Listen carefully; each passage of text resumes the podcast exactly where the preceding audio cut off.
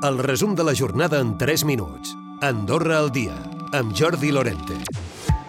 Xavier Espot optarà de nou a ser cap de govern. Demòcrates ha de seguir sent el referent en moments de dubte, destacava en el Congrés de Demòcrates que s'ha fet aquest dimecres al vespre.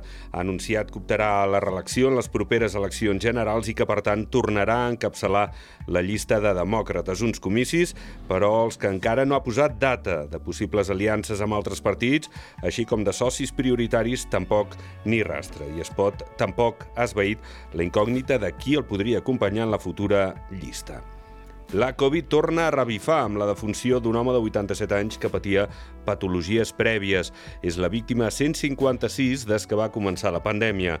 Els casos nous s'enfilen als 160 i els actius superen els 200. A l'hospital hi ha tres persones ingressades, una de les quals a l'unitat de cures intensives, mentre a les residències 26 padrins infectats. El cas més greu és el del Cedre, amb 16 positius. A tot això, el Ministeri de Salut començarà a administrar una quarta dosi de la vacuna als majors de 60 anys. Albert Font, el ministre de Salut, en parlava. No es preveu ara per ara un Covid eh, agressiu, amb el sentit de que porti gent realment eh, amb dificultat sanitària com havia sigut la primera versió del Covid. Ara per ara només ens demanen de ser particularment curosos amb les persones que tinguin aquestes fragilitats. El govern obre un expedient a una de les companyies concessionàries del transport públic per no garantir la capacitat pactada per hora. El Departament de Transports vol esbrinar les causes d'aquest incompliment per a posteriorment decidir les accions a dur a terme.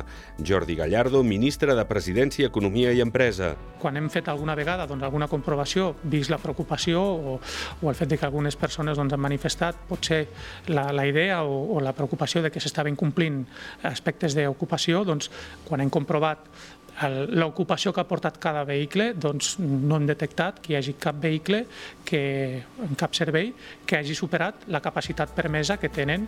Vol fer fre l'executiu aquest col·lapse al transport públic, en aquest cas amb la recuperació de la línia de Soldeu i més freqüències de pas a la del pas de la casa. També s'agilitaran tràmits per facilitar la contractació de xofers i es farà una auditoria per veure el funcionament real d'aquest transport públic. I les dates de l'aeroport d'Andorra la Seu per acollir vols nocturns avancen a bon ritme.